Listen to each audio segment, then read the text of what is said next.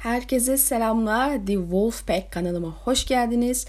Bu hafta Bez Betas kanalının son savaş videosunu çevireceğim. Elbette Asya hafta bir sürü savaş gerçekleşti. Bu kanalda olanlarla sınırlı değil savaşlar ama e, iyi ihtimal ileride hepsini okumasam bile bazıları hakkında başka savaş videoları yapabilirim. Her zamanki gibi söz vermiyorum. Bu hafta başlıktan da anlayacağınız gibi Robert'ın isyanı ve üç dişli mızrak savaşında olanları konu alacağız. Maalesef savaş taktikleri ve benzer açıdan çok fazla ayrıntıya girilmiş bir olay değil. Bunun için kitapların bitmesini beklemek gerekiyor ama mevcut olan bilgileri toplayıp bir şeyler anlatmak mümkün. Daha önce olduğu gibi kendi kelimelerim ve yorumlarımı katılacağım. Aslında bir şekilde videonun yarısı çevirisi yarısı da benim oluyor ama başlayalım. Robert'ın isyanı 300 senelik Targaryen döneminde gerçekleşen son büyük savaştır. Benim kişisel fikrime göre ejderhaların dansı kadar yıkıcı olmasa bile etki bakımından çok daha büyük olmuştur. Çünkü Targaryen hükmü tamamen son bulmuş ve yerine Baratheon hanedanı kurularak yeni bir dönem başlamıştır. İsyanın uzun süredir planlandığına ve köklerinin bir ihtimal dansa kadar gittiğine dair Güneyli İhtirası isminde bir kuram mevcut İzlemediyseniz veya ayrıntıları unuttuysanız aynı isimde videom mevcut izlemenizi tavsiye ederim. Bu sebeple bu konuda buradan bahsetmeyeceğim. Biz doğrudan isyan çıkmasına sebep olan bahanelere bakalım. Bildiğiniz gibi Harrenhal turnuvasından bir sene sonra Prince Rhaegar Targaryen yarım düzünü arkadaşını alıp nehir topraklarına gitti ve o sırada ağabeyi Brandon, Brandon Stark'ın Catelyn Tully olan düğün için nehir ovaya yolculuk eden Lyanna Stark'ı Harnell yakınlarında kaçırdı ve bir süre ikisi de sıra kadem bastı. Genelde okuyucular savaşın bu sebeple çıktığını düşünür ama işin özünde bence hiç de öyle değil. Çünkü Robert ve Rickard Stark tarafı dışında yani Lyanna'nın kaçırılması mantıken başka hiçbir krallığı bölgeyi ilgilendiren bir durum değildir. İşte mesela örnekler verelim. Kral 5. Aegon'un varisi Duncan Targaryen da Lionel Baratheon'un kızıyla nişanlanmış ama prens bu nişanı bozmuş. Aşk oğlu Jenny için tahttan vazgeçmiştir. Elbette Lionel Baratheon bu duruma öfkelenmiş ve isyan çıkartarak kendini fırtına kralı ilan etmiştir kısa bir süre. Gördüğünüz gibi bu isyanda kimse ona destek olmamıştır ve uzun Duncan ile birebir yaptığı dövüşün sonunda isyan sona ermiştir. Kral da en küçük kızı Rhaella'yı Leona'nın varisi Ormond ile nişanlayarak sorunu çözmüştü. Biliyorsun Robert'ın e, büyük annesi oluyor kendisi. Ardından Aegon benzer nişan sorunlarını diğer çocuklarıyla yaşamış ve büyük hanelerle yapılan nişanlar bozulmuştur. Oralardan da bir isyan gelmemiştir. Yani nişanın bozulması yerel küçük bir isyana yahut e, öfkeli seslere sebep olabiliyor yahut Beş Kral'ın savaşında olduğu gibi intikam ile sonuçlanabiliyor ama diğer ateşe veren bir isyan çıkarmıyor. Tabi bu durum birazcık daha farklı Robert açısından çünkü e, nişanlısı kaçırılmış oluyor ama genel anlamda e, bu tarz durumlara nasıl tepki verildiğini göstermek için tarihten birkaç örnek vermek istedim. Savaş tam anlamı ile Deli Kral'ın Stark Lord'unu ve varisini idam etmesinden sonra çıkıyor. Brandon düğünü için Nerova yolundayken haberi alır ve doğruca yönünü Kızılkale'ye çevirir. Rhaegar'ı yüzleşmeye çağırır ve Deli Kral bu harekete iyi tepki vermez. Stark oğlanı tutuklar ve babasına Kızılkale'ye gelmesi çağrısında bulunur ve gittiğinde o da tutuklanır. Dövüşle yargılanma talep eder ve Deli Kral şampiyon olarak Çılgın Ateş seçer. Lord Rickard Çılgın Ateş'te yanmaya bırakılırken Oğlu Brandon'ın boynuna bir ilmek geçirilir ve kılıcına uzanıp babasını kurtarma şansı verilir ama elbette kılıç uzanamayacağı bir uzaklıktadır. Babası yanarak ölürken oğlu da kendini boğarak öldürür. Daha sonra Aerys John Arryn'den e, Ned ve Robert'ın kellesini talep ettiğinde Lord Arryn onları tabii ki teslim etmek yerine İslam bayrağını açan kişi olmuştur. Bu arada kendisinin varisi de Deli Kral tarafından Brandon ile beraber öldürülenler arasında. Şüphesiz ki isyanın kökleri uzun zaman önce çeşitli sebeple atılmış olsa bile Deli, Kral, Deli Kral'ın bu eğilimi isyanı kaçınılmaz hale getiren haklı bir sebeptir. Dizde öyle söylendiği gibi yalan üstüne falan da kurulu değildir. Çünkü bir kız kaçırma meselesinin üstüne inşa edilmemiştir. Aslında birkaç sene evvel bu soru Martin'e de soruldu. İsyan haklı mıydı ve böyle bir durumda Deli Kral'a sadık kalır mıydı? Martin muhtemelen ona sadık kalmayacağını ifade ederken isyanın haklı olup olmadığı sorusuna kolay bir cevap vermek istemiyorum diyerek hem evet hem hayır demiştir. Ama genel olarak başta paranoyası ve şiddet eğilimiyle beraber gücün suist, gücünü suistimal eden bir deli kral vakası göz önünde tutulduğunda isyanın haklı olduğunu ifade etmiştir. Özellikle de bunun kişisel bir mesele tarafından tetiklendiğini düşündüğümüzde yani Ned'in babası ve ağabeyinin idamı ile Robert'ın ise savaşın içine yuvarlanan biri olarak tabir etti. Yani buradan çıkarılan nokta Robert'ın nişanlısının kaçırılması meselesinin doğrudan savaşın çıkmasına bir etkisi olmadığı ve olayı asıl tetikleyen şeyin Stark'ların idamı ile Ned'in isyan dışında başka bir seçeneğinin olmaması.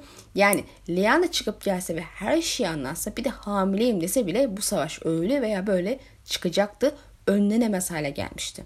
Aslında bu açıdan bile yaklaşsak bana göre tarihçiler bu savaşa Robert'ın isyanı demiş olsalar bile işin özünde bu bir Stark isyanıdır ve Ned'i bir kenara alırsak John Arryn ilk sancağı kaldırmıştır. Yıllar sonra Beş Kral'ın savaşının gene benzer bir sebeple bir Stark isyanı ile başlaması ayrı bir ironi elbette. E tabii ki de savaşın sonunda Rhaegar'ı öldüren ve kral olan Robert oldu ve Ned ile beraber savaşın vitrin yüzüydü. E, özellikle bir noktadan sonra kral olma iddiasıyla sesini yükselttiğinde haliyle isyana Robert'ın isyanı dendi. E, Ned kral olsaydı herhalde Ned'in isyanı falan derlerdi. İsyan sancağı kalktığında ve bu haber tüm diyara yayıldığında isyana katılanlar kadar isyanın karşısında kralın yanında olanlar da elbette vardı. Ve bunların bazısı isyancı lordlardan olan Lord Tully, Lord Baratheon ve Lord Arryn'e ait sancaktarlardı. Elbette Lannister'lar gibi tarafsız kalarak sessizliğini koruyanlar da mevcuttu. Ned ordusunu toplamak için Ay Dağları'ndan parmaklara geçti ve oradan da deniz yoluyla onu kuzeye beyaz yemene geçirecek bir balıkçı tuttu. Isırık Körfezi tarafında fırtınaya yakalanınca balıkçı boğuldu ve balıkçının kızı onu üç kız kardeşleri götürdü. Jun'un annesinin bu kız olduğuna dair bir dedikodu bile çıktı biliyorsunuz. Üç kız kardeşler Lord'u Ned'i teslim edip etmeme konusunda kararsız kaldı. Çünkü savaşın kimin kazanacağından emin değildi. Ve arada kalan taraf olmak istemiyordu. Sonunda Ned kendisini ikna etti ve kuzeye geçerek ordusunu topladı. Lord Burrell eğer kaybedersen buraya hiç gelmedin diyerek Ned'i tembihlemiştir. John Aaron da kendi ordusunu toplaya başlasa da aslında ilk savaş vadede kral taraftarları ve isyancı arasında yaşandı.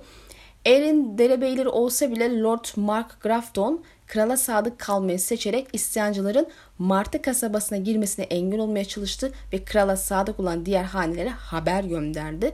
Martı kasabası savaşında Robert Lord Grafton'u öldürdü ve kasaba düştü.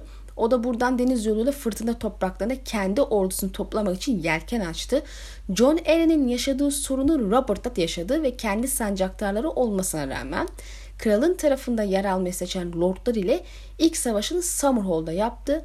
Lord Grandison, Lord e, Catherine ve Lord Fell ordularını toplayıp bahsettiğim konumda bir araya gelip güçlerini birleştirme amacıyla harekete geçti ama içeriden Robert'a haber uçtu ve Robert da her birine sırasıyla saldırarak güçlerini birleştirme fırsatı vermeden birlikleri yenilgiye uğrattı. Lord Fell öldürülse de oğlu ve diğer lordları esir alarak yanında götürdü ve bir şekilde bu insanları tekrar kendi tarafına döndürmeyi başararak sadakatlerini kazanmayı başardı ve güçlerine kattı. Bundan sonra Robert kuzeye yürümekte ve John Arryn ve Ned Stark ile buluşmakta özgürdü. Ayrılmadan evvel fırtına burnunun başına kardeşi Stannis Baratheon'u koydu. Stannis bundan sonra kaleyi isyan sona erip Ned Stark gelene kadar Lord Tyrell ve ordusuna karşı koruyacaktır. Robert kuzeye ilerlemeye başladığında tahtta sadık kalan menzilden Lord Randy Tarley de yola çıktı ve Robert'ın birliklerini Ashford tarafında yakaladı ve saldırdı. Lord Tyrell de daha sonra ona getirse de kazanan Randy'ydi ama zaferin övgüsü tabii ki kendi üstüne aldı. Buradan da fırtına burnuna giderek bir yıla yakın sürece kuşatmaya başladı. Robert kayıplarına rağmen birliklerini yeniden toplayarak Ned ve John ile güçlerini birleştirmeyi başarıyor tabii ki. İlk başta kralın yanında olup daha sonra tekrar Robert'ın yanına savaşan Lord Catherine Lord Tyrell tarafından öldürülüp başı krala gönderildi. Kral mevcut kral elini etkisiz ve beceriksiz olduğu düşündüğünden unvanı ve ayrıcılığı elinden alınıp sürgüne gönderildi ve yerine prensin yakın arkadaşlarından olan John Connington kral, ele, kral eli olarak atandı. O da hızla Robert'ın peşine düştü. Kuzeyde Ned Stark sancaklarını çağırdı ve fire vermeden hepsini desteğine alarak güneye inerek ilk olarak John Arryn'e güçlerini birleştirdi ve sonra nehir topraklarına giderek Lord Hoster Tully ile ittifak görüşmeleri yaptı. Görüşmelere göre Ned Stark da abi Brandon'ın nişanlısı Catelyn Tully ile evlenmek üzere anlaştı. Böylece isyancılara nehir toprakları da katılmış oldu. Robert'ın kuzeyi ilerlerken yolda bilinmeyen sebeplerle yaralandığı belirtiliyor. E, fırtına topraklarından çıktıktan sonra John Connington ile karşılaşana kadar bildiğimiz bir savaşı gerçekleşmemişti. Bu sebeple Robert'ın Tarly ile yaptığı savaşa yaralanması ama yolda yaralarının ağırlaşmış olması bence çok daha olası. Yaraları yüzünden Taşir Sept kasabasındaki Şeftali isimli genel eve sığındı ve Connington bu kasabayı kuşatarak Bel Savaşı yani Çanlar Savaşı gerçekleşti. Arya ve Gender'in buraya uğradığını hatırlıyorsunuzdur. Hatta Gender bilmese bile burada Bel yani Chan ismindeki kız kardeşiyle ablasıyla tanışmıştı. Robert'ın burada saklanırken ve kadınlarla düşüp kalktığını bilgisini öğreniyoruz. E bu kız da o dönemden kalma bu sebeple bu ismi almış. Kasaba isyancılardan yana bir tavır sergilediği için Robert'ı teslim etmek yerine gizliyorlar. E, bunun üstüne Connington kasabayı eli geçiriyor ve tek tek evleri arıyor ama Robert'ı tabii ki bulamıyor. Yapılan af ve ödül teklifleri, tehditler gibi şeyler hiçbir şey yaramıyor. John Connington aslında Robert'ı arayarak haddinden fazla oyalanmış oldu bana göre. Bu da onun aleyhine sonuçlandı. Robert'ın sıkıştırıldığı haberini alan Nesta Tully birliklerini de arkasına alarak kasabaya yetişti ve John Connington'a saldırdı. Kasabanın her yerinde dövüşler oldu.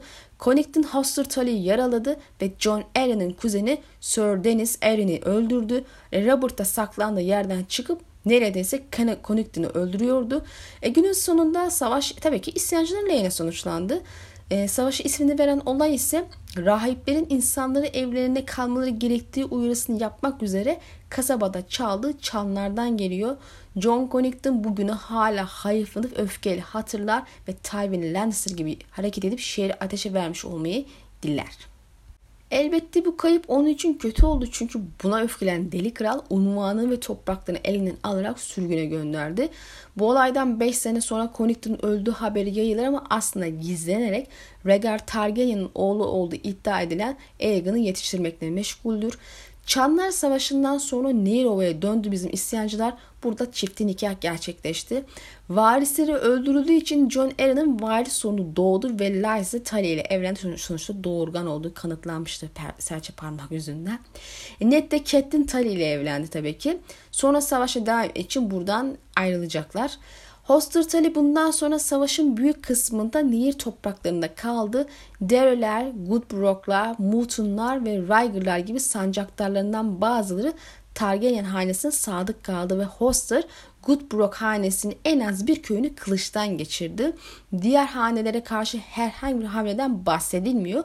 Muhtemelen hiçbir şey yapamadı veya yapmaya fırsatı bulamadı. Çünkü zaten birçoğu Çanlar Savaşı sırasında bile John Connington'ın yanındaydı ve Sir Selmy kalan birlikte toplayarak Prens'e katıldığında onlar da vardı.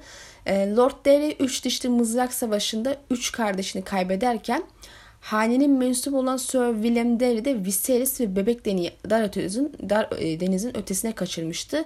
Lord Mutun'un kardeşi ise ünlü bir şova olan Sir Miles Mutun'dur ve eskiden prensin yaveriydi. Çanlar Savaşı'nda Robert tarafından öldürüldü. Lord Walder Frey ise sadece Mızrak Savaşı'ndan sonra askerlerini gönderdi. Bu sebeple Lord Tully ona merhum Lord Frey demeye başladı. Kral Connington yerine Lord Carlton Chelsted'i kral eli olarak seçti. E, kral muhafızlarından Sir Jonathan Derry ve Sir Ballaston Selmy, Connington'ın adamlarından arta kalanı toplamak için gönderilirken Lord kumandanları Sir Gerald Hightower, Kral Aerys tarafından Rhaegar Targaryen'i bulması için gönderildi. Nasıl bilmiyor, bilmiyor ama Doğunu Doğu'da Neşi Kulesi'nde buldu ve prensin emriyle Sir Vance ve Dane ile beraber orada kaldı ama prens başkente geri döndü. Veliaht Prens Aerys'i Tywin Lannister'dan yardım istemeye ikna etti ve isyancılarla yüzleşmek için üç dişli mızraka doğru yola çıktı. Üç kral muhafızı Neşe Kulesi'ndeyken kralın yanında sadece Jaime Lannister vardı. Kalan, muhaf kalan kral muhafızları prensin yanında savaşa katılmıştı. Günün sonunda hayatta kalacak yegane kral muhafızları da Barristan Selmy ve Jaime Lannister olacaktır. Prens Rhaegar Dorne ve menzilden gelen birliklerle en az 40 bin asker topladı. Dorne kuvvetlerinin başında Dora'nın dayısı ve kral muhafızı olan Prens Lewin Martell vardı. İsyancıların ordusu ise 35 bin kişiden oluşuyordu. Tabii ki daha tecrübelilerdi. Prens Rhaegar'ın birlikleriyle geldiğini haberini duyunca Robert'ın başına geçtiği isyancı ordusu da 3 dişli mızrak tarafına doğru yola çıktı ve iki ordu burada karşılaşarak kanlı bir savaş başladı. Savaş kraliyet ordusunun nehri geçip isyancı ordusunun saldırmasıyla başlamıştı. Saatlerce süren bu savaşta iki tarafta birbirine üstünlük sağlayamadı. Prens Martel'in komuta ettiği Don kolu vadi askerleri tarafından darma durman edildi ve Prens Martel bu sırada öldürüldü. Don koluna yapılan saldırıyı önderlik eden kişi vadeden Lord Corbray'in oğlu Lynn Corbray idi. Bilirsiniz e, sertçe parmağı destekleyenlerden biri şu an. E, babasının e, yaralanması sonucu aile yadigarı kılıcı alıp saldırıyı başlattı. Ve zaten yaralanmış olan Martel prensini öldüren de bizzat kendisi oldu. Elbette bu bile savaşın dengesini değiştirmedi. Bir noktadan sonra Veliaht Prens Rhaegar Targaryen ve Lord Robert Baratheon savaşın ortasında yüz yüze geldi ve atlar üstünde bir duello başladı. Prens Robert'ı dövüş sırasında yaralamayı başardı ama Robert prensin açını bulduğu anda savaş çekicini prensin göğüs zırhına tüm, göğüs zırhına tüm gücüyle indirdi. Ve tabii ki bu da prensin sonu oldu. Zırhı parçalandı ve kırmızı yakutlar nehre döküldü. O zamandan beri prensin öldüğü yere yakut geçidi denmeye başlandı. Prens Rhaegar atından düştü ve son nefesinde Lyana'nın ismini söyleyerek öldü. Prensin ölümüyle kraliyet ordusu tamamen dağıldı ve kaçmaya başladı. Sadıklar prensin cesedini kaçırarak Targaryen adetlerine göre bilinmeyen bir yerde yaktılar. Bu sırada prensin ölümü haberi elbette ki başkente ulaştı. Kralın paranoyası ve deliliği sonucu ateş simyacılarına emir verildi ve şehrin altına çılgın ateş yerleştirildi. Ayrıca güvenlik için karısını ve yeni varisi seçtiği oğlu Viserys'i ejderha kayısına gönderirken Doğu'nun sadakatini sağlamak için Elia Martell'i ve çocuklarını kalede tutarak Prens Doran'ı tehdit etti. Kral Aerys'in ölümü kral muhafızı Sir Jaime Lannister'ın elinden olmuştur. Çünkü ondan babasının kellesini istemiş ve üstüne çılgın ateşin patlatılması emrini vermiştir. Jaime ikisine de göz yumamayacağı için kralı ve simyacıları öldürmüştür. Böylece bu sırrı bilip hayatta kalan tek kişi kendisi kalmıştır. Hadi bir ihtimal işi dolayısıyla Varys'te bilenler arası olabilir. Savaş tamamen bitmemiş olsa da prensin ölümü ve üç dişli mızrakın kazanılması aslında sonucu ilan etmişti. Martin'e göre Robert kral olma iddiasını üç dişli mızrak zamanında ya da hemen sonrasında dile getirmiştir. Doğumlular hakkıyla prensi desteklememiştir çünkü Elea yüzünden kızgındırlar ve ayrıca prens Doran doğası gereği ihtiyatlı davranmıştır. Prensin ölümü haberinden sonra Tywin'in tüm gücüyle kral topraklarına gitti ve şehrin önüne geldiğini biliyoruz. İçeriden kral e, Tywin'in yardım etmek için geldiği konusunda ikna edilince kapılar açıldı ama Lannister'lar şehre saldırıp yağmalamaya ve Kızıl Kale'ye doğru ilerlemeye başladı. Bu sırada yaralandığı için hareket edemeyen Robert yerine kaçan birlikleri kovalamaya Ned Stark'ı gönderdi ve başkente kadar onları kovaladı. Şehre gittiğinde kapıların kapalı olmasını bekliyordu ama tabii ki açıktı ve şehri Tywin ele geçirmişti. Ned Lannister'ın yaptıklarına şahit oldu. Kızılkale'ye girdiğinde Kral Aerys'in Jaime tarafından öldürüldüğünü ve tahtına oturduğunu gördü. Robert arkadan geldiğinde Tywin Lannister sadakatini göstermek için prensin çocuklarını öldürdüğünü söyleyerek cesetlerini ayaklarının önüne serer. Bu olanlara öfkelenen Ned Stark ikisinin de cezalandırmasını istese de Robert yanaşmaz ve Ned öfkeyle şehri terk edip fırtına bunu kuşatmasını sonlandırmak için yola çıkar ve oradan da kız kardeşini bulmak için Dorne'a gider. Elbette savaş bu saydıklarımızla sınırlı değil arkadaşlar. Sözü burada Martin'e bırakıyorum. Savaşın tüm tarihine girmedim ama sadece iki büyük ordunun dövüşmesinden fazlası vardı. Kuşatmalar, pusular, kaçış, düello, yağma ve vadi ile don hudutları gibi bir dizi uzak yerde savaşlar. Tyrell'lerin büyük bir ordusu vardı ama güçlerinin önemli bir kısmı Rhaegar ile birlikteydi. Prens'in ordusu Robert'ınki daha çok savaş tecrübesine sahip olmasına rağmen Robert'ın ordusundan daha fazlaydı. Sonuç olarak savaşı kazan isyancılar oldu arkadaşlar ve Lord Robert artık Kral Robert Baratheon olarak tahtta oturur ve 300 senelik Targaryen hanene son verip yeni bir dönem başladır. Üstadlar onun tahttaki hakkını Targaryen hanesi olan akrabalığına bağlasalar da Robert bu hakkı fethiyle aldığını söyler. Gelelim benim kafamı kurcalayan kısımlara. Şimdi Çanlar Savaşı sonrası isyancılar Nairova'ya giderek çifte düğün gerçekleştiriyor. Bu sırada prens güçlerini toplayıp kuzeye doğru ilerliyor ve bunun haberini alan Robert'a ilerleyerek üç dişte buluşuyor bu ikisi. Peki bu sırada Ned Stark nerede ve ne yapıyor? Orada savaşıyor dediğinizi duyar gibiyim ama dikkat ederseniz o gün anlatılırken Ned'in kendisinden hiç bahsedilmiyor. Hatta Tali ve Aaron'dan da bahsedilmiyor. Haydi onlar yaşlı, yaşlı insanlar evlerinde kaldılar diyebiliriz ama Ned İlk kitabın birinci net povunda savaş alanında prensin öldüğü sırada geldiğini söylüyor. Yani en azından Türkçe e, çevirisinde savaş alanı diye yazılmış. İngilizcesinde olay yerine diye yazmışlar. Yani her iki şekilde de Ned'in o ana kadar savaş alanından uzak olduğu izlenimi edindim hep ve geldiğinde kuzeyden gelmiş gibi e, bir izlenim edinmiştim. Ama kronolojiye bakınca bunun için tabii ki bir sebep olmadığı gibi bir bilgi de yok zaten. Yani kuzeye gidip geri dönmesi için. E, bu sebeple bu kısmı ilginç buluyorum. Muhtemelen çok özel bir durum yoktur. Sadece Martin'i bu kısmı zayıf yazmış olma ihtimalinden kaynaklıdır diye düşünüyorum ama kafa kurcalayan bir nokta. Ee, bir diğer şey ise Dora'nın hakkıyla te- destek vermemiş olması. Tamam ele yüzünden kızgınsın ve ihtiyatlı davranıyorsun ama e, durum her şekilde aleyhine. Yani dayını savaşa gönderiyorsun ki zaten göndermesen de gidecek kendisi kral muhafızı. E, kız kardeşim ve çocukları savaşın kaybedilmesi durumunda tehlikeye girecekler ki girdiler ve öldüler. Yani öfkeli de olsan tüm gücüne desteklemek dışında yapabileceğin bir şey yok. İhtiyatlı davranmanın da hiç alemi yok. Yani Robert'ın çizmesini yalayacaksın ki ihtiyatlı davranıyorsun. Yani yeteri kadar ayağını öpersen yeğenini bağışlayacağını umut ettin. Öldürecek tabii ki. Robert için onlar tehdit. E biz Dora'nın zeki zannederken saçma sapan tavır sergilemiş aslında. Yani savaşın ortasında ne öfkesi ne ihtiyatlı olması taraftar, taraflara karşı. Yani Tywin gibi davranma şansın yok ki. Böyle bir konumda değilsin. Öyle veya böyle. Sen istemesen bile kraliyetin yanında durmak zorundasın. Ned'in bu isyan çıkarmaktan başka çaresi kalmaması gibi. Sonuç olarak bu kısımda oldukça bence saçma olmuş. İleride olan bitenler hakkında daha fazla bilgi çıktıkça tartışacak daha fazla şeyimiz olacaktır muhtemelen. Bu yüzden şimdilik burada duralım ve videomuzu da sonlandıralım. İnşallah beğenmişsinizdir. Yorum yapmayı ve paylaşmayı lütfen unutmayın. Sonraki videoda görüşmek dileğiyle Allah'a emanet olun.